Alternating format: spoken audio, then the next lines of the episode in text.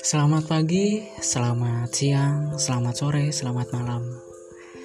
Mungkin ini pertama kali aku ngerekam podcast aku sendiri ya di dalam satu aplikasi.